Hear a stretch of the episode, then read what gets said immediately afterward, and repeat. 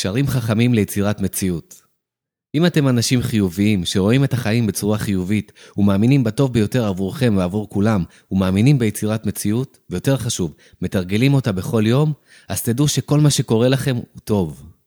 גם אם כרגע הדברים נראים קצת עקומים, בקרוב הם יתיישרו מעצמם, ובמבט לאחור, תבינו שהקמימות הזאת הייתה רק גשר חכם שהביא אתכם הכי מהר להגשמת המציאות הנחשקת שלכם.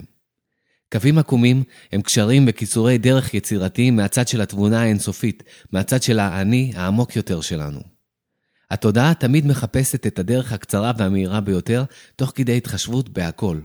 זה אומר שאם עוד גורמים מעורבים בהגשמה שלכם, אז גם הם על הדרך יקודמו בצורה זאת או אחרת לעבר ההגשמות שלהם. יכולת החישוב וחיבור הפרטים הקטנים של התודעה האינסופית באפס זמן היא יותר מדהימה ממה שאנחנו יכולים אפילו לדמיין. ולפעמים כדי להביא אותנו הכי מהר ליעד, היא עושה כל מיני שינויי מסלול וקיצורי דרך לא סטנדרטיים, שנראים לנו מוזרים, במיוחד כשאנחנו עדיין לא מבינים לאן זה מוביל, ורק רואים את הקו העקום.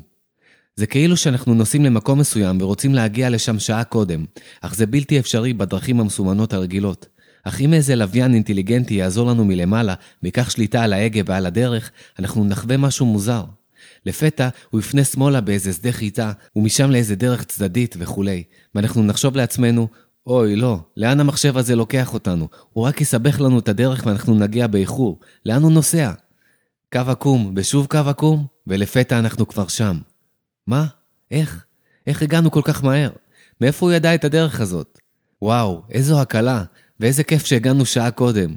אוקיי, מה עושים עם כל הזמן הפנוי שיש לנו עכשיו? זכינו לעלות על גשר חכם להגשמה שלנו, זכינו לקיצור דרך יצירתי מהאינטליגנציה האוניברסלית. ועכשיו שיש לנו שעה שלמה ספייר, מה לעשות איתה? להמשיך ליצור מציאות, כל הזמן. הקווים העקומים האלה הם קווים ישירים ומהירים להגשמה.